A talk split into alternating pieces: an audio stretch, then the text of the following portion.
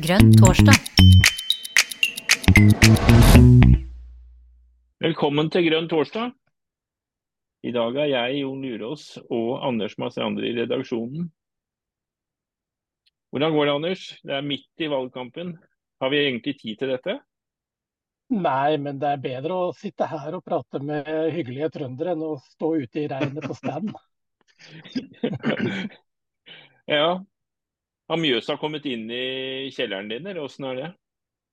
Nei, heldigvis så slapp jeg unna. Og, Altså, du har jo vært der, du vet jeg har ikke kjeller. Jeg står på huset står på stylter, og vi har nabo nedafor, så det går bra. Ja. Men, eh, men, eh, Mjøsa var veldig nære veien, så det kunne hende Mm. at jeg måtte kjøre over veien. Mm. Men uh, apropos Mjøsa, det, det, er jo der vi er, da toucher vi inn på kveldens tema, som handler om uh, beredskap og ja, naturkatastrofer, store og små.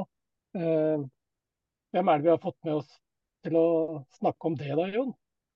Nei, Vi har vel fått med oss en trønder, da, tenker jeg. For nå har vi jo flytta flommen opp dit, så nå er de vel helt oppdatert, tenker jeg. Tommy Reinås. God kveld, god kveld. På... God kveld, god kveld. Du sitter vel oppe i Hell eller noe sånt nå, tenker jeg, og skal formidle litt om eh, noen, noen, ideer om totalberedskap og sånn som dere har eh, vært litt frampå med, som eh, vi lurer veldig på hva er. Altså, jeg må bare ta én kommentar først, som gjorde at den, denne ideen dukka opp. At vi, at vi må ha Tommy på Grønn torsdag, det var at jeg så ordføreren i Vadsø som i forbindelse med disse krykkjene Eh, sa at eh, jeg hadde eh, Jeg sa selvsagt ikke jeg, da, men jeg kan jo si det. Jeg kan jo si jeg. Jeg, jeg hadde forventa at det faktisk var noen som kunne komme og hjelpe oss. Det var det faktisk ikke. De måtte greie det sjøl. Og da er vi vel inne på det som kanskje Tommy har tenkt å kjøre videre på. Men mm. nå blir det mye utenompreik her. Tommy Reinås, vær så god. Hyggelig. Takk for invitasjonen. Jeg har da snekra sammen en presentasjon for å få ned det her tankegodset. Så får vi se hvordan det går. Da skal jeg først dele da skjerm, og så skal vi dele denne presentasjonen og få den i fullskjerm. Der, vet du. Ja, jeg har fulgt uh, håndboka for design, så ikke jeg får kritikk fra eget parti. Jeg er jo da distriktspolitisk talsperson i MDG. Og til daglig så er jeg fylkestingsrepresentant i fylkestinget for Trøndelag. Har vært i to perioder og stiller til valg nå også. Jeg er så privilegert at jeg har fått lov til det. Og skal da snakke om totalberedskapen. Den grønne totalberedskapen.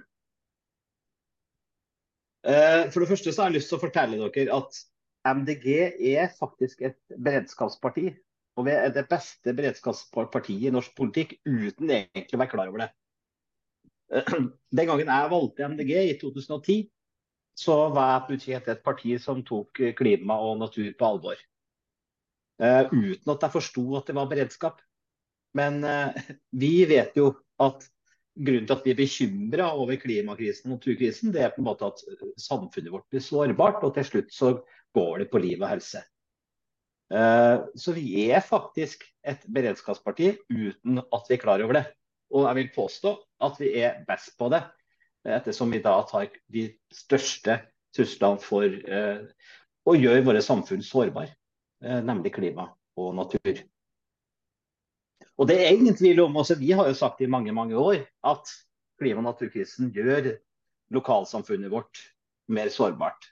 Norge sårbart. Nord-Norge, Sør-Norge, Midt-Norge, ja, vår del av verden, hele verden, blir jo mer og mer sårbar.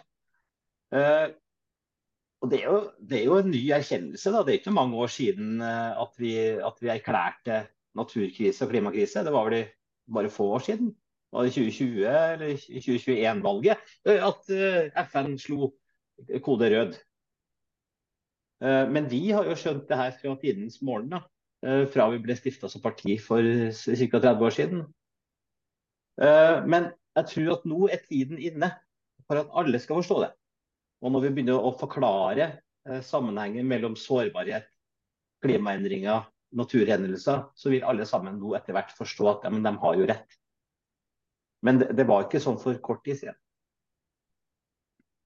Og så litt om det her eh, at klima- og naturkrisen er en sånn nisje eller særinteresse. Og MDG blir jo da har hatt litt sånn rykte eller omdømme på seg at vi er et sånn nisjeparti, ensaksparti, særinteresseparti, og at vi er ekstreme og radikale osv. Nå begynner tiden å bli inne, uh, grønne venner, for å, at alle forstår at det her er ingen særinteresse. Og Egentlig så er vi ganske konservative. Det er også en, en ny nyhet for kveldens uh, økt. Altså det å ta vare på myra, ta vare på den, det, det fuglehabitatet, ta vare på den elvemunningen, ta vare på den fjorden, ta vare på det fjellet osv. Ta vare på den skogen. Det å ta vare på er jo konservativt. Altså konservere. Og vi sier jo egentlig bare at vi skal ta vare på det her, fordi vi ønsker at vi skal ikke bli så sårbare som samfunn. Så Det betyr eh, grønne venner, at vi må snu på det og si at de som faktisk ønsker å bygge ned livsgrunnlaget vårt, naturen, det er de som er ekstreme. Det er de som er radikale. Eh, så eh, der har vi rydda opp i det. skulle si. Altså, det er ingen særinteresse å være opptatt av klima og natur. Det går jo på selve livsgrunnlaget vårt. Og det å ta vare på livsgrunnlaget vårt er konservativt, og det er rasjonelt. Hva er det her beredskapen? Eh, jeg henta fra den her eh, nye eh, totalberedskapskommisjonen, som jeg kommer litt innpå i kveld. Følgende at det å sørge for innbyggerne sin trygghet er statens, en av statens viktigste oppgaver. Uh, så må jeg fjerne en zoom-link her. Arbeidet med samfunnssikkerhet og beredskap er helt sentralt for å skape og opprettholde denne tryggheten. Samfunnssikkerhet handler om samfunnets evne til å verne seg mot og håndtere hendelser som truer grunnleggende verdier og funksjoner og setter liv og helse i fare. Og da vet vi jo uh, da vet jo vi godt uh, hva vi frykter i forhold til uh, den utviklinga vi ser omkring klima og natur. Uh, det nye er at, vi, at, jeg ønsker å sette klima og natur inn i et beredskapsperspektiv. Det er en del av totalberedskapen. Det er på en måte budskap nummer tre i kveld. Eller nyhet nummer tre. At beredskap og natur dreier seg om totalberedskapen til vårt samfunn. Enten kommunen vår, eller fylket vårt eller landet vårt. Tommy, eh, du sier staten. Eh, er, kommer du inn på kommuner eh, seinere? Ja. ja. Da... ja. Men det er, det, er bare, det er, bare, at tankegangen eh, går på alle nivå. Også, eh, men jeg kommer nærmere inn på det. Dette er bare litt sånn introduksjon. eller Alt er jo, er, alt er jo ikke litt sånn nytt i MDG-sammenheng at vi snakker om beredskap og totalforsvar. Så det er jo OK. Og så sier også dette her totalberedskapskommisjonen, da, som dere ser her, eh, utheva her i gult, kommunene har for, kommunene har ansvaret for å identifisere risikoer innenfor kommunenes grenser og planlegge ut, ut ifra disse. Jeg har snakka med mange grønne folkevalgte rundt omkring. Og det er veldig mange av de her sårbarhetsanalysene og beredskapsplanene som er, ligger i en skuff eller som er støva ned. Um, jeg tror Arne, som kanskje er på møte i kveld, har jo løfta en, en, interpellasjon i kommunestyret sitt i Oppdal. Som vi kan kanskje ta litt senere i kveld, hvis Arne fortsatt er med. Hvor han fikk enstemmig tilslutning faktisk til, eh, til en interpellasjon omkring eh, det her med eh, lokalberedskap. Og hva er den grønne beredskapen? Han prøvde å forenkle. Hva er hovedinngangen på grønn beredskap? For å forenkle den grå tilnærmingen på beredskap det er at klima og natur ikke er liksom en åpenbar del av det. Eh, det er nummer én. Og nummer to, at den grå tankegangen er at det dreier seg om sent, en sentralisert form for beredskapstankegang. Og mitt forslag og overbevisning er at grønn beredskap, inngangen til det, det er en desentralisert beredskap. Altså Vi skal ikke ha et uh, sentralt kornlager, men vi skal ha kornlager i hver kommune, helst tilbake til hver gård. Det gjør oss mindre sårbare som samfunn. Det kommer jeg tilbake til. Så Det er mitt forslag til hva er grønn beredskap. Det ene er at den er desentralisert. Og det andre er at klima og natur er en del av beredskapstankegangen.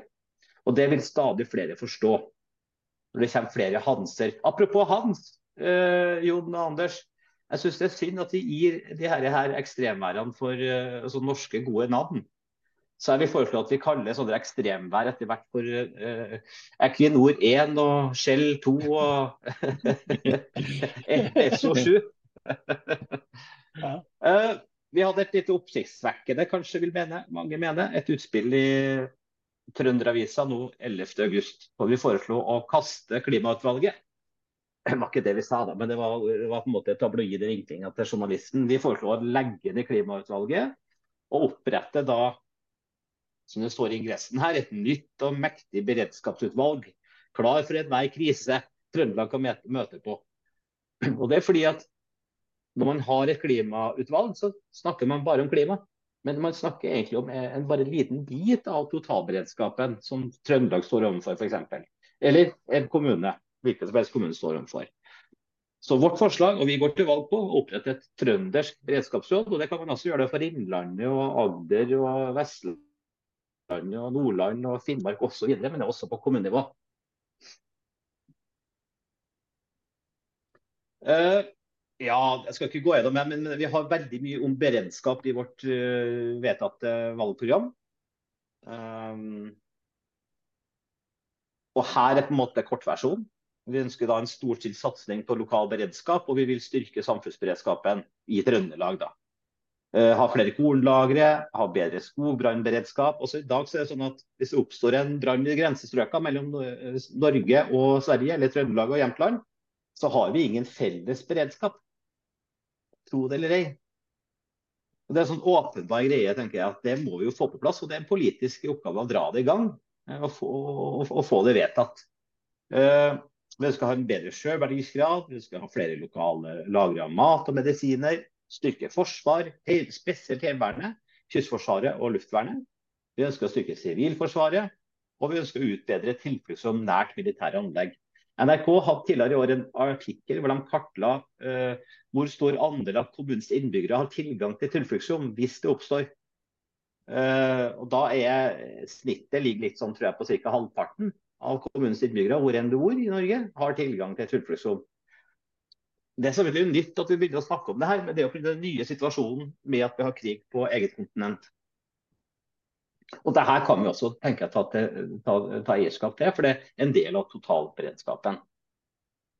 Så klima- og naturkrisen, eller klimaendringene, klimavær, klimatilpasning, må bli, blir en del av totalberedskapstankegangen. Og Også naturkrisen i forhold til naturhendelser.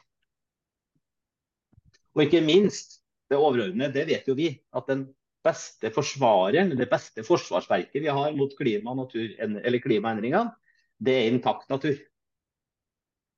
Eh, men det er bare vi som vet. Altså, hvis du snakker med en grå politiker, så vet ikke han at myra er en svabb. Som Jon Lurås veldig godt vet, og Anders veldig godt vet, og alle andre i møtet her. Men vi må forklare og spille de politikerne vi skal samarbeide, samarbeide i kommunestyre og fylkesting, forklare dem at myra er faktisk et forsvarsverk. Eh, så klima- og naturkrisen handler om beredskap. Og så har jeg lyst til å ta et lite dykk ned i denne totalberedskapskommisjonen. De ble vært jo nedsatt eh, i januar 22 og De skulle da vurdere hvordan de samlede beredskapsressursene kan benyttes best mulig for å bedre samfunnssikkerheten. Og så skal det på en måte, Mandatet var også at kommisjonen da skal på, gi en prinsipiell vurdering av styrker og svakheter ved dagens beredskapssystemer. Og Så la de fram sin uh, utredning, som er på høring nå, uh, juni i år.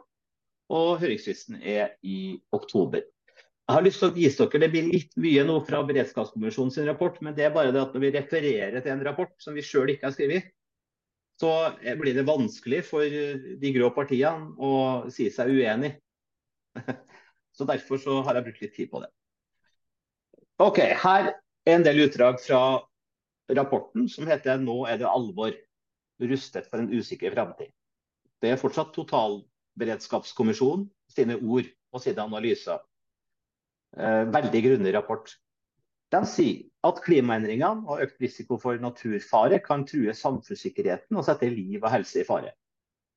Sier totalberedskapskommisjonen, ikke, ikke MDG. De har selvfølgelig sagt det i mange, mange tiår. Konsekvensene av klimaendringene utgjør en svært bekymringsfull ramme for samfunnssikkerheten og beredskap, og påvirker samfunnsutviklingen i Norge globalt. Vi må sikre at vi er i stand til å håndtere et klima med mer ekstreme værtyper, og aktivt forberede oss på de globale konsekvensene av klimaendringene, f.eks. risikoen for at den globale matproduksjonen svekkes. Klimaendringene er en av trendene som i størst grad truer samfunnssikkerheten og setter liv og helse i fare. Vi må øke takten når det gjelder forebygging gjennom klimatilpasning. Klimaendringene øker sannsynligheten for, flere, for flere og mer alvorlige naturhendelser. Klimaendringene kan også bidra til økt spredning av sykdommer og få negative følger for både økonomisk aktivitet og levekår. Kapittel 341 konsekvenser av klimaendringene i Norge. Når klimaendringene blir kraftigere, vil vi trolig oppleve ekstreme hendelser med en intensitet og varighet som ikke er observert tidligere. Altså Det vi har opplevd nå med styrtregn, og det vi har sagt ekstreme vær når det kommer 100 mm eller 200 mm, det er bare en forsmak. Det blir, det blir verre. Og Det har vi jo advart om, men nå har vi liksom eh, noe å slå i bordet med. da. Det grønne skiftet Eh, og en bærekraftig utvikling, ifølge FNs grunntunnel, trenger verden så trenger verden raske, omfattende og vedvarende utslippsreduksjoner om vi skal nå målet om begrenset, begrenset global oppvarming til 1,5 grader. Det er dermed behov for en bærekraftig utvikling som imøtekommer dagens behov uten å ødelegge for behovene til fremtidige generasjoner. Så det skulle jo nesten tro at det var MDG som skrev det her. Men det her er totalberedskapskommisjon, og meg bekjent sitter ingen MDG der. Å skape MDG-ere. Dersom Norge skal stå ved sine internasjonale klimaforpliktelser og ha, tilstrekkelig, og ha tilstrekkelig energi i årene fremover, vil det være nødvendig å innfase nye fornybar, nye fornybar energi. Om dette ikke skjer, styrer vi mot et kraftunderskudd allerede i 2027. Det er et politisk ansvar å sikre at det ikke oppstår kraftunderskudd. Også det med kraftpolitikk, energipolitikk, kunne eh, jeg sagt mye om, så jeg, jeg tror jeg går videre. Det, det blir jo en egen, egen ja. Klimaprognoser viser også at det vil bli mer ekstremvær og alvorlige naturhendelser som økt nedbør ved påfølgende skred og flom. Og sånn fortsetter, da. Uh, ja. Jeg, jeg tror ikke, men altså, det, det, var, det, var, utrolig mange eksempler i denne rapporten som bare forsterker det budskapet og de advarslene de har, har kommet med. Men nå må vi da på en måte tilpasse oss.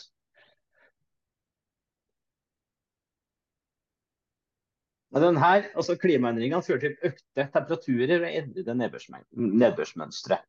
Som en følge av det oppstår det nye miljøer for sykdommer i Norge og Nord-Europa som ellers ikke har vært utbredt i regionen. Og økt risiko for spredning av ulike dyre-, fiske- og plantesykdommer. Og økt forekomst av zoonoser.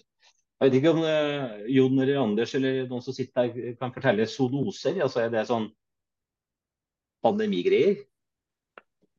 Zoonoser det er jo når sykdommer eh, muterer mellom forskjellige dyr og skaper nye sykdommer med nytt smittepotensial. Eh, uten at det kan gå 100% god for det som en definisjon, men eh, det er det det så vidt jeg vet er. Ja, sånn som korona, da, som kom fra et eller annet dyr? Det er ja. riktig. Kommisjonen mener at det er gode argumenter både med hensyn til klima, bærekraft, selvforsyning og beredskap å benytte de naturgitte forutsetningene Norge har til matproduksjon. Samtidig er det med tiltagende sikkerhetspolitiske spenninger viktig og solidarisk å produsere så mye mat vi kan selv på egne ressurser. Også god MDG-politikk og god beredskap. tankegang. Og så har jeg et eksempel her fra eh, Arne Rønning. da, vi, da, da ble det ikke mer totalberedskapskommisjon, nå hoppa vi til Oppdal. Her bildet fikk jeg fra Arne på Besselskjær tidligere i dag. Og så, Det kom da styrtregn i, i, går, og i dag så var det ikke brød i butikken. Altså Så sårbar er Oppdal da, at det bare kommer litt for mye regn. Alle veier er stengt. Eh, alle, alle, jern, alle jernbane, fylkesvei, riksvei. Ikke mulig å levere brød i dag. Er det nå du sier at det ikke er eget bakeri på øh, Oppdal? Tenkte jeg skulle si det, men så tenkte jeg at jeg ikke skulle si det. så, så sa du det. Altså, men det, det, det, er, det, er faktisk, det, er, faktisk, riktig. Det er et sånt uh, finbakeri, hvis en skal kalle det det, med litt sånn mer eksklusive varer. Men her var det som møtte meg i, i dagligvarebutikken i dag klokka kvart over sju. Så sto det plakaten her.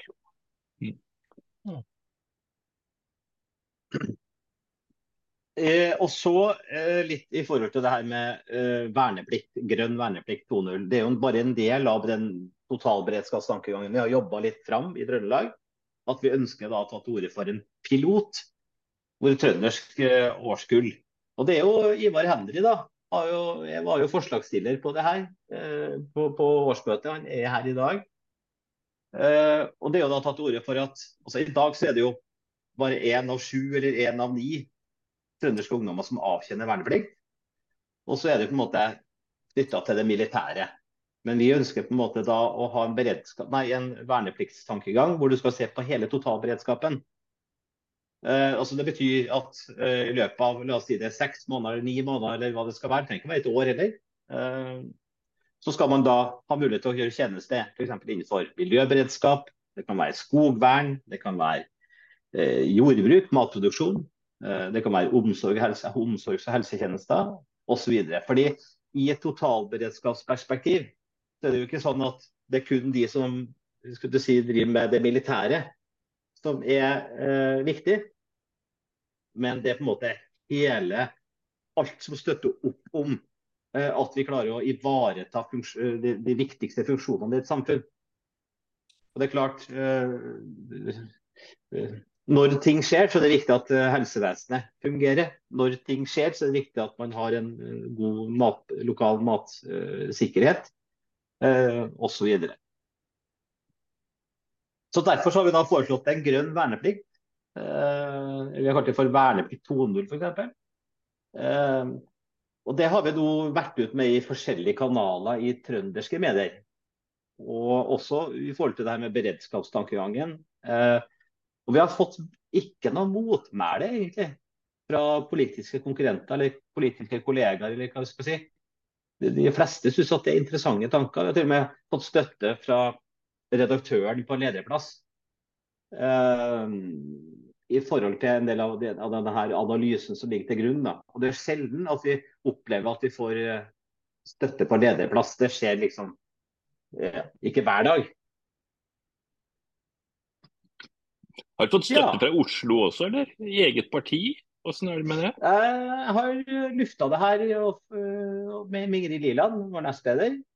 Og da avslutter, Jeg kan stoppe den presentasjonen. og Hun er jo veldig med på at det her er skal vi se, fikk jeg avslutta der?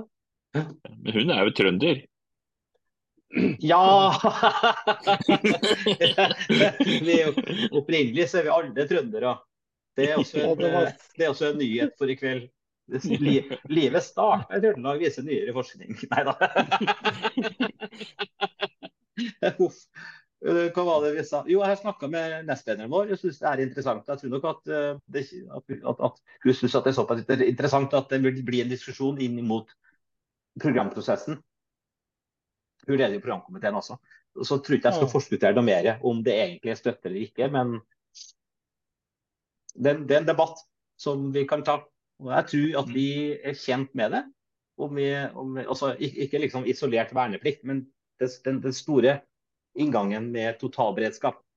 Det tror jeg styrker oss. for Når vi begynner å snakke om totalberedskap i, i, i den politiske virkeligheten med, da, med de grå partiene, det er ingen som er imot en god totalberedskap. Altså, det, det er sjelden. Eh, ja, okay, ja, ikke sant? Så det er, er, en fin mental inngang eller en strategisk inngang at man tar beredskapsinngangen. Uh, og så er da klimatilpasning, eller det å gjøre en god klubb, klubb, uh, jobb, klubb, jeg er veldig glad i klubb. Eh, det gjøre god jobb på klima eh, eh, kan man da få som en del av totalberedskapstankegangen. Men sammen med det her for, for forankra en god forståelse av at det viktigste forsvarsverket vi har i forhold til ekstremvær, det er intakt natur. Altså det, det, det er der vi starter, tenker jeg. Jeg er jo så gammel at jeg har gjennomført 16 måneders siviltjeneste. Og noen av de tinga som du skisserte kunne vært mulig i en den der verneplikt 2.0, er jo vet jeg at det var noen sivilarbeidere som gjorde. Eh, jeg satt bare på et kontor i Naturvernforbundet, så det var vel litt mer sånn vagt. Men det var jo folk som jobba i helsevesenet og diverse. Mm. Men, men det, altså, vi, har ikke, vi, har, vi, sitter ikke på noen fasit, eller vi har ikke hatt en prosess mm. for å lage liksom, det konkrete utforminga. Så det kan gjerne hende mm. at det, at det er riktig her at, du, at, at, man også kunne ha jobba et år i miljøbevegelsen. Altså, mm. Det kan gjerne hende. Um, og, det, og jeg, jeg tenker bare at det skal være det skal være sånn at det skal gå an å gjøre en samfunnsnytte og en samfunnstjeneste for alle, uavhengig av hvilke, hvilke, hvilke godføtter, gode egenskaper man har. Altså Om så man eh, har nedsatt funksjonsevne, så går det an å tenke å ha en meningsfylt måte å føle at man er en del av den eh, totalberedskapen på. At det må være tilrettelagt. da. Ja, da er det forslagsstiller Ivar Henry som allerede er på og vil ha en kommentar her. ja, nei, altså, Jeg er 100% enig med den uh, Tommy sier her. Jeg skal bare supplere litt uh, sånn på en måte uh, tanker bak det i forbindelse med det at du er i gruppe ungdommer på 19 år, og så har du da 18% som får delta. ikke sant? Så har du en gruppe som ikke får delta i samfunnsoppbygginga og i samfunnsdelinga. Eh, og de, eh, en ting er jo det at den gruppa på 18% som går i forsvar, de får jo fortrinn eh, når de skal søke seg jobb, utdannelse. Og får en CV som er kanskje er mer spennende for en arbeidsgiver og skole. Og når du da har fått en erfaring ut i det kan vi si, hva samfunnet forventer av deg, og det som du får et innblikk i hva samfunnet trenger av hjelp og får erfaring, så stiller du mye sterkere. Og en annen ting er jo det at uh, i dag uh, så har vi jo uh, i den måten vi tenker på i dag, så vil vi jo få for lite hender i fremtida. omsorgarbeid, det er jo én ting. men og jeg tenker at på en måte her at vi innfører en sånn pilot som det her, så vil vi også kan vi si, bevisstgjøre det at alle sammen må bidra i framtida. Det blir så mange oppgaver som skal løses i samfunnet. Uh, og da kanskje at det blir mindre som sykemelder seg, det blir mindre som blir eller uh, langtidssykemeldte og får muligheten til å, å, bidra med sine evner. Takk. Takk. Eh, Anders, du greide ikke å løfte handa, men du hadde en kommentar, et spørsmål? Ja, men Én ting er å være vertskap her, men da skal jeg slenge fram, fram gjestene. Så Sjur, du kan få komme før meg, men da har jeg en eh, kommentar og, og spørsmål i og for seg også etterpå. Tusen takk. Hører dere meg greit? Ja. Yeah. Uh, jeg har jo det jeg har tenkt på, er spesielt det her med grønn verne, eller det her med generell verneplikt utenfor uh, Forsvaret ganske lenge. fordi jeg var var det jeg var i militæret i, fra april 99 til på Helgelandsmoen eh, til mars 2000. Og jeg var det siste kullet som var fulltallig på en måte på det gamle systemet. Og de som kom etter oss, kom veldig fåtallig, og siden har det jo utvikla seg da på en måte. Eh, og jeg har også kikka, både i dag og tidligere så har jeg satt og lest litt i loven rundt det med verneplikt. og, og, eh, jeg fulgte, jeg fulgte drodlinga til Tommy og, og, Ingrid var vel delvis med på eh, mediasak. Og, og syns det er veldig bra. Eh, men jeg tror kanskje at når vi snakker om så, en så stor strukturell endring da, i, i hvordan vi organiserer samfunnet vårt, for det er det faktisk å flytte denne plikten ut av Forsvaret. fordi at Den gamle siviltjenesten det er jo egentlig litt sånn litt sånn svart uh, flekk i, i, historien vår, fordi at det var vel en slags sanksjon for militærnektere på et vis. da. Uh, og så jeg ville kanskje ikke at vi skal gå dit, men at vi heller skal gå peke på Sivilforsvaret og organisere det gjennom Sivilforsvaret i utgangspunktet. I hvert fall hvis det skal være til noen som helst fordel for private eller private virksomheter, private næringsliv, private foreninger og sånn. Så må det være at uh, en bonde trenger å få drenert, eh, få åpna ei grøft f.eks., og kan få utkommandert da, ungdom fra Sivilforsvaret f.eks. I, i et prosjekt. Visst antall timer og dokumenteres sånn og sånn. Eh, og jeg har jo en, Vi har jo hatt en lang, lang, lang diskusjon om rovdyr og beitenæring i Norge. Og der har, det mener jo at krumtappen i en sånn her eh, siviltjeneste eller verneplikt kunne vært et fjelloppsyn. De skal, gjete, de skal ikke drive bare med å gjete sau, de skal ikke drive med rovdyroppsyn, men de skal drive med begge deler. I tillegg til at de kan samle inn data for meteorologien, for andre vitenskapelige interesser som trenger data, som trenger prøver. Alt fra vannprøver, alt mulig sånt. Eh, de kan være med på ettersøk etter folk og dyr når det trengs, fordi de er allerede i fjellet. De har kanskje hest, de kan bevege seg fort, og de er kjent. Og, og De har eh, bue de kan ligge i og sånn. Og de kan ivareta og bevare fjellkulturen i Norge. For fjellkulturen vår, den holder vi på å miste. Det er nesten bare samefolket som, som har fjellkulturen i blodet. Alt fra fiske og, og fangst til til, reingjeting og, og annen gjetedrift. Eh, og liksom ivareta det litt. Og de kan, eh, kan eh, ivareta turister og, og, på en måte guide hvis de ikke har noe annet viktig å gjøre. Så liksom bare det at det kunne være mange hundre, kanskje noen tusen ungdommer i fjellet hver eneste sommer som har båret den tradisjonen. Jeg har jo også, nok om det, så har jeg også en greie med at politiet i Norge en veldig hermetisk lukka organisasjon, der vi har hatt den ene krisen etter den andre de siste to-tre årene. Og det avdekkes uh, ugreie forhold.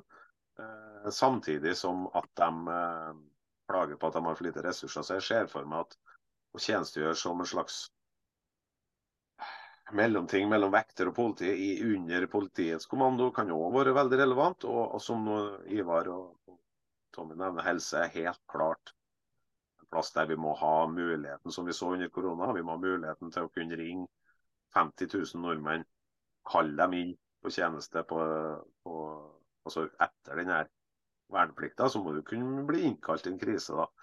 Uh, og de som er mest, mest motvillige, de som kanskje ikke vil være med, de som ikke har noen ambisjoner om å bidra, ja, de kan kanskje stå og spasse sand i sandsekker i noen måneder. Eller liksom, altså Det finnes noe for alle her. Og, og, det finnes også veldig mye arbeidstrening for dem som ikke ellers eh, kommer seg inn i arbeidslivet, og som har veldig høy terskel for å komme seg inn i arbeidslivet. Så jeg tror det er veldig mye jobb for det her. Men jeg tror vi må allerede bare ut, vi må klargjøre at de her folka skal være i statens tjeneste, helst i en slags uniform nesten. Og, og, og det må ikke være noe tvil om at noen kan utnytte denne arbeidskrafta. Jeg har brukt liksom at Eh, matsikkerhet, eh, laksenæringa og gartnernæringa må aldri i verden få lov å skaffe seg billige jordbærplukkere og laksearbeidere i et sånt system. Da. Eh, tusen takk. Da slapp jeg til Sjur først, og mens Sjur har snakka, så har jeg kommet på et par hender til. Men eh, jeg tar noen ord allikevel, jeg, så får dere bare vente. Eh, jeg har eh, en, altså Når du har sånt grått skjegg og sånt, så betyr det at du er litt gammel. Så jeg har eh, hatt en vanlig militær førstegangstjeneste i Trøndelag, mesteparten av den, på, både på Værnes og Ørlandet. Eh, da med andre ord Luftforsvaret. Det kunne jo vært hvor som helst, men, eh, men eh, altså Jeg satt nå der og skulle prøve å skyte ned noe fly. Eh, det gikk noe dårlig, det, da.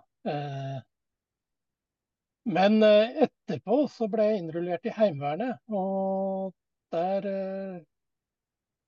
gjorde jeg da en, egentlig en ganske grei jobb, syns jeg sjøl. Det syns vel andre også, for jeg ble jo litt sånn befal og greier.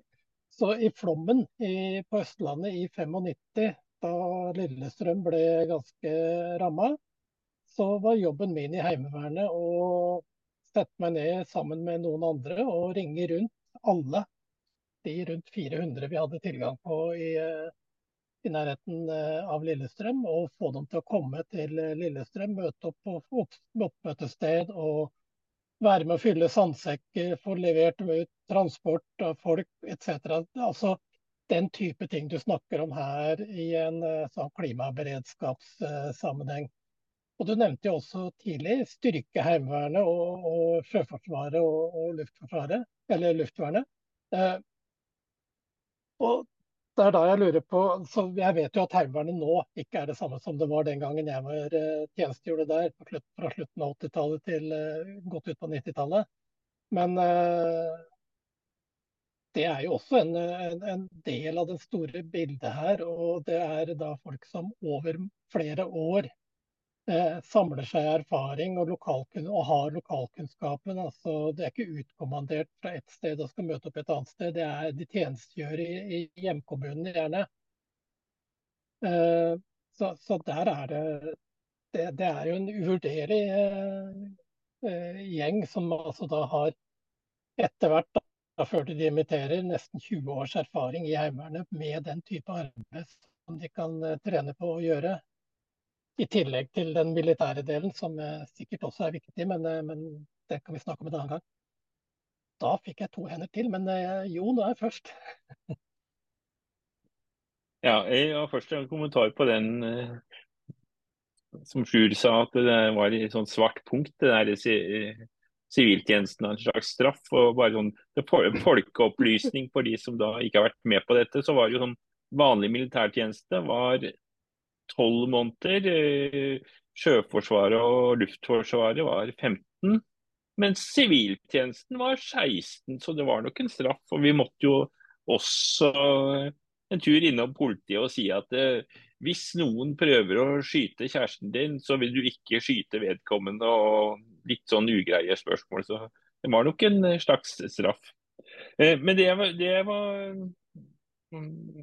mest lyst til å kommentere, var jo da det Ivar Henry var innom med at eh, er dette en, en sånn type eh, verneplikt 2 en, en, bra ting for å redde folk som eh, faller utenfor mange andre ting? Altså, er det det? Og det jeg syns det Jeg i hvert fall tolka at det var det, det du sa òg. Jeg syns det høres vi trenger å ta grep og gi folk eh, oppgaver som de føler at eh, de gjør nytte. og da Det å spa i sand i en sandsekk, som da eh, ganske mange har gjort eh, nå de siste nå, nå, i sommer Det var nok flere som har gjort det nå enn de, enn de aldri gjort det før, vil jeg tippe.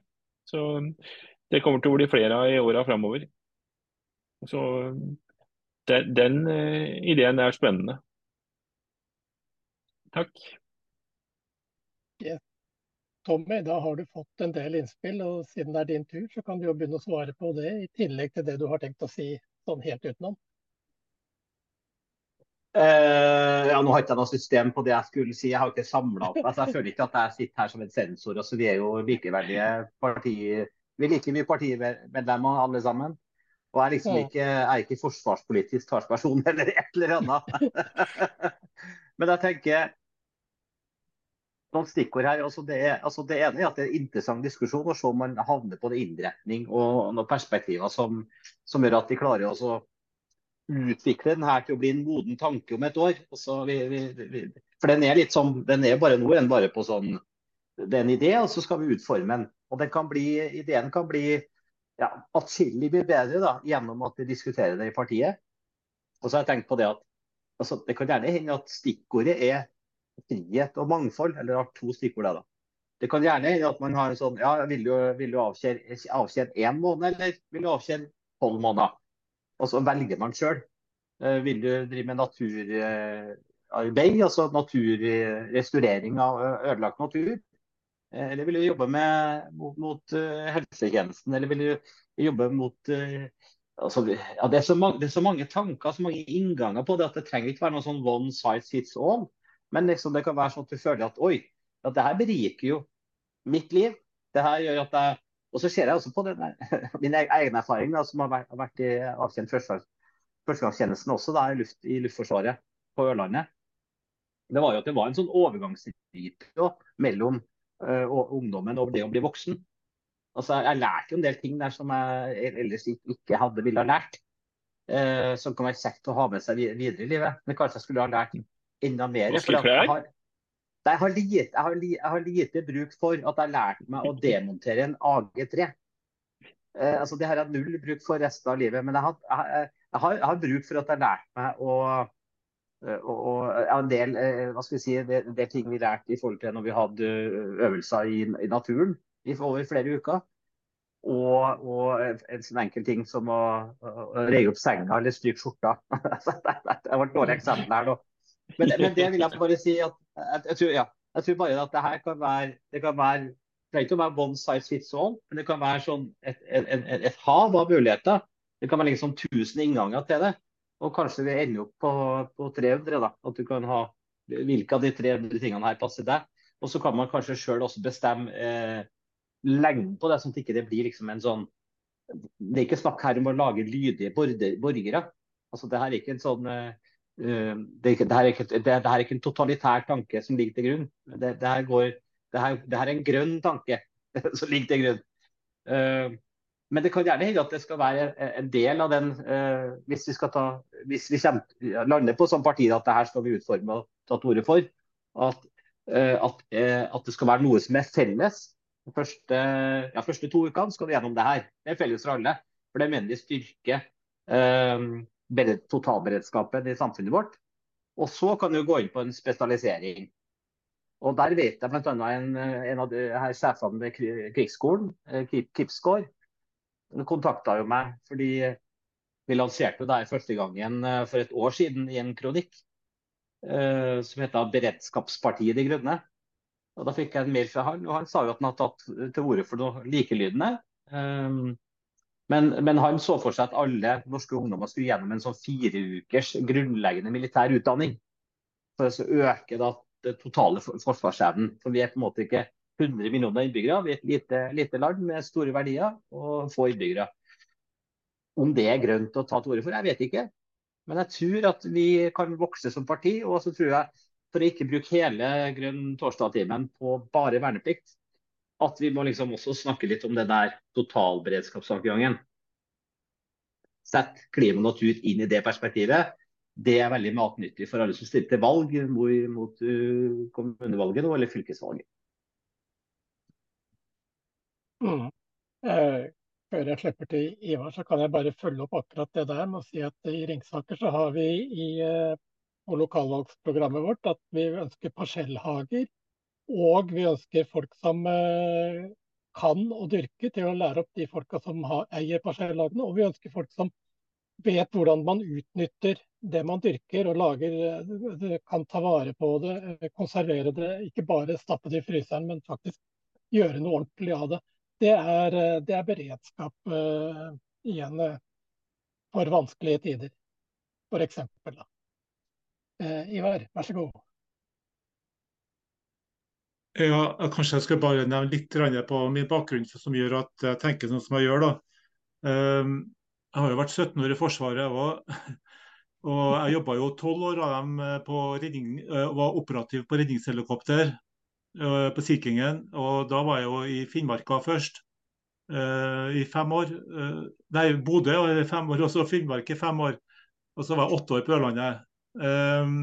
Og i da så får du et veld, veldig sånn godt overblikk over hele landet. Fylker, land og overalt. Uh, var til og med på Svalbard i seks uker.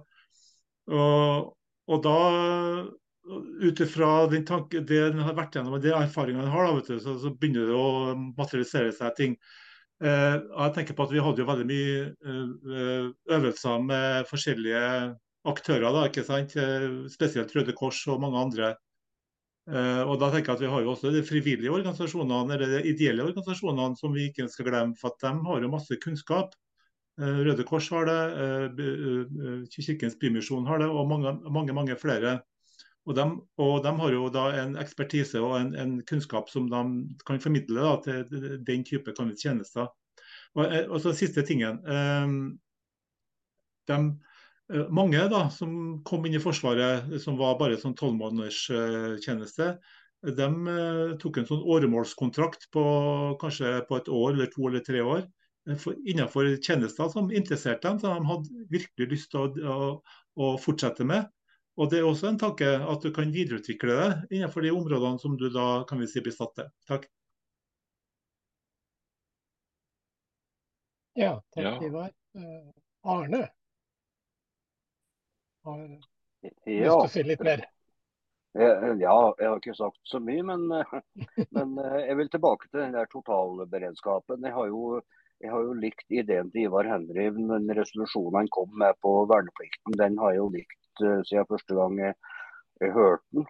Men det her med totalberedskap uh, Jeg var jo så heldig at uh, jeg fulgte ikke Jon med da og, og jobba som sivilarbeider, men derimot så var jeg 14, tjenestegjorde jeg 14 år i militæret. og og To av de åra jobba jeg veldig tett på det her med totalberedskap. og Dette var jo under den eh, kalde krigen. Og Jeg har jo i ettertid eh, tenkt på hvor mye det her systemet har forvitra, samtidig som samfunnet endra seg noe vanvittig når det gjelder sentralisering av lagre, når det gjelder uh, eh hvilke, hvilke lagre det er lokalt av forskjellige ting. Og De senere dagene så har jeg jo sett det at uh, i løpet av uh, først Hans og så litt regn i går, som ikke var så veldig mye, så har jeg opplevd at Oppdal rent sånn hypotetisk i løpet av ett døgn kan isoleres totalt når det gjelder landveis kommunikasjon. For alle veier inn til Oppdal har vært stengt i løpet av perioden fra Hans begynte. og og, og, til da i dag tidlig. Og, og det her er jo, det er jo lett å hekte det her på grønn tanke. Jeg vil vel tro at mye av det som skjedde i går, skyldes jo eh, det påbegynte E6-prosjektet som ligger i overkant av eh, den veien som nå er ødelagt av eh, oversvømmelser og, og ras. Og rett og slett at jordsmonnet der oppe er eh, ødelagt, slik at det ikke tar unna lenger, sånn som det, sånn som det har gjort. Og eh, Når det gjelder det her med totalberedskap, han var jo inne på det, Tommy, at jeg leverte levert en interpellasjon som gikk eh, rett igjennom i kommunestyret. Der jeg da tok til orde for en del spesielle punkter når det gjaldt totalberedskap og hvilke ressurser kommunen har tilgang til i krisesituasjoner. For det har jeg jo savna i den eh, kommunestyreperioden som jeg nå har, har sittet der. Og eh, det ble jo da det ble jo vedtak om at dette da skulle legges fram senest, eh, senest som et ledd i folkevalgtopplæringa i høst for nytt kommunestyre. Så jeg er litt spent på den. En annen sak å koble det her på grønn tanke, det er jo at å få det her med vedlikeholdsetterslepet på infrastruktur nå ser en at det her nye som vi driver med, med, med, motorveier, det tar da ressursene fra lokalveiene, altså fylkes- og kommuneveiene. Nå har jo det her denne gangen opptrådt slik at maskinentreprenørene var jo, det var jo bra tilgang på dem når krisen inntraff. Men hvis det hadde kommet Hva skjer hvis alt skjer samtidig, som er et uh, sannsynlig tilfelle? Så det å ha oversikt over en del sånne ressurser, det tror jeg absolutt uh, er på sin plass. Og det er lett å vri det her til grønn tanke med at uh, pengene vi bruker på store motorveiprosjekter, og heller la det gå til, til kommunale veier og fylkesveier, hvor det er et vanvittig vedlikeholdsetterslep. Takk. Ja, Sjur. Du har tegna deg igjen. Vær så god. Ja. Ja det, det, her eh, går jo veien, for det, jo bare, det her flyter jo kjempebra. og Det er jo bare bedre og bedre innspill. Eh, altså, jeg tenker jo da at eh, den her, Ikke for å henge meg opp i det her med den her plikttjenesten som vi kan vurdere, da. Men det at la oss si i løpet av fem år, da, så er det jo 500 000 nordmenn som har vært innom Forsvaret eller en eller annen tjeneste. da. Uh, og det her med lengde på tjenester, valg av lengde og sånn, så tenker jeg at da må det bli litt som Heimevernet. ikke sant? At du Kort tjeneste oftere repetisjon av øvelser uh, osv. At du kanskje til og med kan ta ut en tidskonto som du kan uh, cashe ut i mange forskjellige typer av tjenester, sånn at du får prøve ut forskjellig. For noen av oss klarer jo aldri å bestemme oss. ikke Um, og så må det, for det må være rett, føles rettferdig da, at når alle, alle 30-åringer føler at de har gjort like mye, eller at de har blitt unnlatt på, på saklig grunnlag, og, og, og tjenester må, må oppleves meningsfull. meningsfulle. Um, og da har vi masse folk her som, som kan steppe inn når det trengs. ikke sant? Og så har vi jo det her med matsikkerhet, bønder, landbruk, alt det der. Bøndene har masse, masse enorme maskinparker, hvis du zoomer litt ut og ser stort på. Ikke sant? De har flere traktorer hver og, og, og, mye utstyr som står i store deler av året. og sånn. Bønder er jo beredskap, ikke sant? Sånn som, og du, du nevner maskinentreprenørene, Arne. altså Bøndene kan jo støtte maskinentreprenørene, og en maskinentreprenør kan jo få enorm kapasitetsøkning av at bøndene kan hive seg rundt eller at bøndene kan låne ut utstyr og traktorer til entreprenørene som eventuelt har folk til overs. Og, og, og, det her med at det må kunne bli en karriere for noen, en, eller at noen kan ta noen pliktår og tjene ei grei lønn på det, og, og, få noe utdanningspoeng igjen for det og sånne ting. Eh, og det her med fireukerskurset, som han forsvarsfyren sa. Ja, fire ukers kurs i beredskapsevne. Ja, selvfølgelig. Eh, og det kan alle opp til 50 år være forplikta til å ta innen tre år, tenker jeg. Eh, så, så det, her, det, her, må vi jobbe mye med, og, og vi må se helhetene hele tida. Fordi jeg, jeg, er jo helt sykelig opptatt av fordrøyning, som er en sånn skikkelig nerdete ting å tenke på. Så jeg tenker veldig mye på myra og, og elven og vassdragene. Og, og, ikke minst på at vi har så elendige kloakksystem. Sånn at vi må passe på at det vannet som kommer fra himmelen, ikke går inn i skitvannet vårt og legger belastning på skitsystemet. For vi må få det oppå, oppå bakken og ut. Og vi må fordrøye eh, det vannet som eventuelt må gjennom skitrøren. Det må fordrøyes eh, sånn at det kommer sakte, men sikkert at kapasiteten økes fordi at det kommer forsinka. Da. Det som lander på tak og sånn, kommer forsinka inn i systemet. Og, og, og, og da, da, kan vi spare 4000 milliarder på å ikke bygge kjempegigantiske kloakknettverk. Og Det er jo penger som vi da kan bruke på alle mulige andre ting. Så, så, så synergiene her de er så åpenbare og de er så mange at jeg kunne stilt meg opp på en sånn vegg her nå med tusj og røde streker og, og sånne jævla røde ulltråder som detektivene på film bruker. Fordi det, det, det, arbeidet som vi bare har gjort her nå med å sitte og snakke sammen, det, det er betydelig. Takk. Eh, jeg spurte jo om eh, kommunen her i stad, Tommy. Og nå er det jo ja. kommunevalg. Eh, hva kan jeg ut... Og jeg, jeg skal i debatt til, til, tirsdag til uka sammen med de andre partiene. Hva, mm. hva kan jeg utfordre de andre på knytta til eh, totalberedskap på kommunenivå? Ja. Nei, jeg mener jo uh, Hvis jeg hadde vært kommunepolitiker, så ville jeg altså jeg er på fylket nå, så derfor så opp, foreslår jeg beredskapsrådet i Trøndelag. Men jeg mener at du skal foreslå et beredskapsråd for uh, Løten, er det? Ja. Og, og, og, det skal da jobbe med totalberedskap, totalberedskapen. Altså man, skal, man, har jo et eget, eget system for når krisen inntreffer. Da er det jo statsforvalteren som har et system, og Sivilforsvaret, som Sjur var inne på. Så det er jo ikke det vi skal jobbe med som politikere. Men vi politikere er lokale samfunnsutviklere. Og Derfor så er det sånn at eh, kommunen skal ha en beredskapsplan. Finne ut når er den eh, laga. Eh, mest sannsynlig så er den gammel og støvete. Og svarer ikke på de utfordringene vi står i. Og så skal kommunen også ha gjort sårbarhetsanalyser i forhold til, altså Det er ikke noe springflo på Løten sikkert, men det kan være flom. Eller, ja. Utrolig nok altså. er Løten har nesten ikke noe elver som er et problem, så det er uh, utrolig. ja, OK. Men det kan være sårbare, andre sårbarheter da, ja. i forhold til mat, eh, medisiner, uh, uh, energi. Altså hva skjer når energien forsvinner? Eh, eller hva skjer hvis internett forsvinner? Altså, det er mer, mer enn nok. Altså, det, løten er sårbar. Eh, jeg vet ikke hva er sårbarheten til Løten er, men det er din jobb da som lokalpolitiker å sette deg litt inn i. Og så kan du si vi skal, trygg, vi skal sørge for et tryggere Løten. Og da er klart Vårt svar er jo i forhold til ekstremvær er jo at vi skal ta vare på naturen. Det, det er liksom vårt viktigste sikringsverk i den situasjonen vi står i. Men, men, og, ja. men det tenker jeg. Beredskapsråd. Og er beredskapsplanen ny? Er oppdatert? Hva er si beredskaps- eller sårbarhetsanalysene? Og som også Arne, du bør jo egentlig bare sende ut den der, der interpellasjonen du skrev. Jeg vet ikke om Arne fortsatt er med? Men, men det, jeg, jeg er fortsatt med, så jeg kan, jeg kan dele det på en Google Docs etter hvert.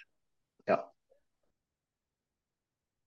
Og så Du, Tommy, du lurte på hva som skjedde hvis internett forsvant i Løten. Da går grønn torsdag i svart, kan jeg gjøre. Nei, da, da sender vi fra Ringsaker. Men, men, men, det har jo stadig vekk fra Jons side vært nevnt at det var dårlig internett i Løten, så de er vel forberedt på at det forsvinner helt, antagelig. Så kan vi ta litt humor på, ja. kan ta litt humor på slutten. Da. Jeg foreslo i valgkampen 2021 at vi skulle legalisere hjemmebrent. Og det ser jeg jo er, er beredskap. For da, da slipper du leveranser langt ifra, og så kan du lage din egen antibac. Men det var kveldens humor. Men på totalberedskapen, jeg har jo snakka med bønder knytta til det, det du sa med lokal lagring av korn. Og det tror jeg at de er de er de klare for. Og det er veldig mange som har et mindre lager, eller mindre og mindre. Ganske mange tonn, da, selvsagt. Men at de på en eller annen måte blir godtgjort for å holde de igjen, da. Og det er jo, som da Baktanken din var jo selvsagt det at spredning. At det er tryggere hvis da en av disse elvene går, kjører at det er umulig å få brød til Oppdal. Så, så var i kornlager på, i Oppdal også. Så man, med ei egen mølle selvsagt, som kunne eh, lage mel. ja. uh, før jeg slipper til sju, så kan jeg bare henge med på akkurat det der. Altså, for det, det, er veldig mange av bøndene, særlig de som da driver med, med grønnsaker. altså de eller poteter, som er en av de store tingene her i Norge, de lagrer jo potetene hos seg sjøl gjennom vinteren før de sender det ut eh, til, eh, til distributør sånn porsjonsvis. Så, så, det å lagre på gårdene, det har vi faktisk tradisjon for i Norge. Eh, og, og velutbygd nettverk og, og alt mulig rart. Så det burde være en ganske enkel sak å få i gang, også for korn. Vær så god, Sjur. Jo, uh, det er også en liksom, det er bare en sånn fun fact. da, at Fordi at vi nordmenn har sånn oppheng på grovbrød, som er fornuftig, da, for så vidt, fordi vi eter jo så mye brød. Uh, det gjør at matkorn i Norge det er klassifisert helt ekstremt høyt på gluteninnhold. Altså, uh, til og med når en italiener skal bake sin fineste pizza, så trenger ikke så fint mjøl som vi trenger, og så mye gluten som vi trenger for å bake det her grovbrødet vårt for at de ikke skal ryes unn, altså at de skal henge sammen. Så hvis man bare senker Det er også en sånn beredskapsgreie, da, for vi har, for, vi har, helt vanvittige kriterier for hva som er matkorn i Norge. Så det er jo veldig veldig, veldig, veldig, veldig mye korn som nå går til dyrefôr, som ville ha blitt matkorn over natta. Hvis du bare godtok at brødet hadde en lite grann, og det er snakk om liten forskjell i kvalitet. altså At den kanskje varer to dager kortere, da, eller at den ry, blir litt sånn ry, ryen, sånn som den ble før i tida. Så, så, vi har jo mye mer matkorn enn vi tror òg, vet du. Med, med, de ordene så nærmer vi oss eh, veldig avslutning og oppfordring til eh, matminister, som ikke er Sandra Borch lenger, men, eh, men han Geir Pollestad, om å gjøre noe med kornkvalitetskravene. Har du noen avsluttende ord, Tommy? Bare oppfordre oss til å ta beredskap på alvor, eller? Altså, jeg tror vi kan ta, For det første erkjenner at vi er et beredskapsparti. Eh, jeg tror Vi har til felles mange av oss at vi kom til det partiet pga. klimakrise og naturkrise. Og det er beredskap. Men vi har liksom ikke skjønt det sjøl. For det, det, er kriser som gjør oss sårbare som samfunn. Jeg ser Sjur er veldig enig. Eh, og så tror jeg det er riktig av oss, og det er riktig. Eh, nå har jeg henta mange eksempler fra denne rapporten til totalberedskapskommisjonen, at der står det eh, på en måte det her med klima og klimaendringer og klimatilpasning og klima si, eh, det, altså det, det, gjør oss mer sårbare. Eh, så ta eierskap til totalberedskapen. Eh, det tror jeg gjør at vi, vi forstår den tid vi lever i. Ja. Mm. Og med de ordene, Jan, så er vi ferdig for kvelden. Det er vi. Det var eh, gode ord fra Trøndelag nok en gang. og Da ble vi litt klokere og kom noen gode tips på hva vi kanskje skal gjøre de siste par, par ukene av valgkampen. Det, nå er det jo meldt enda mer regn nå i helga, så får vi nå se hvor dramatisk det blir. Det er jo ikke vært så veldig dramatisk, men vi får se. Plutselig så går ei bru til. Mm. Kan hende vi ikke får brød, vi også. Takk for. Ha en, for, ha en fortsatt fin kveld. Takk for i kveld, ja.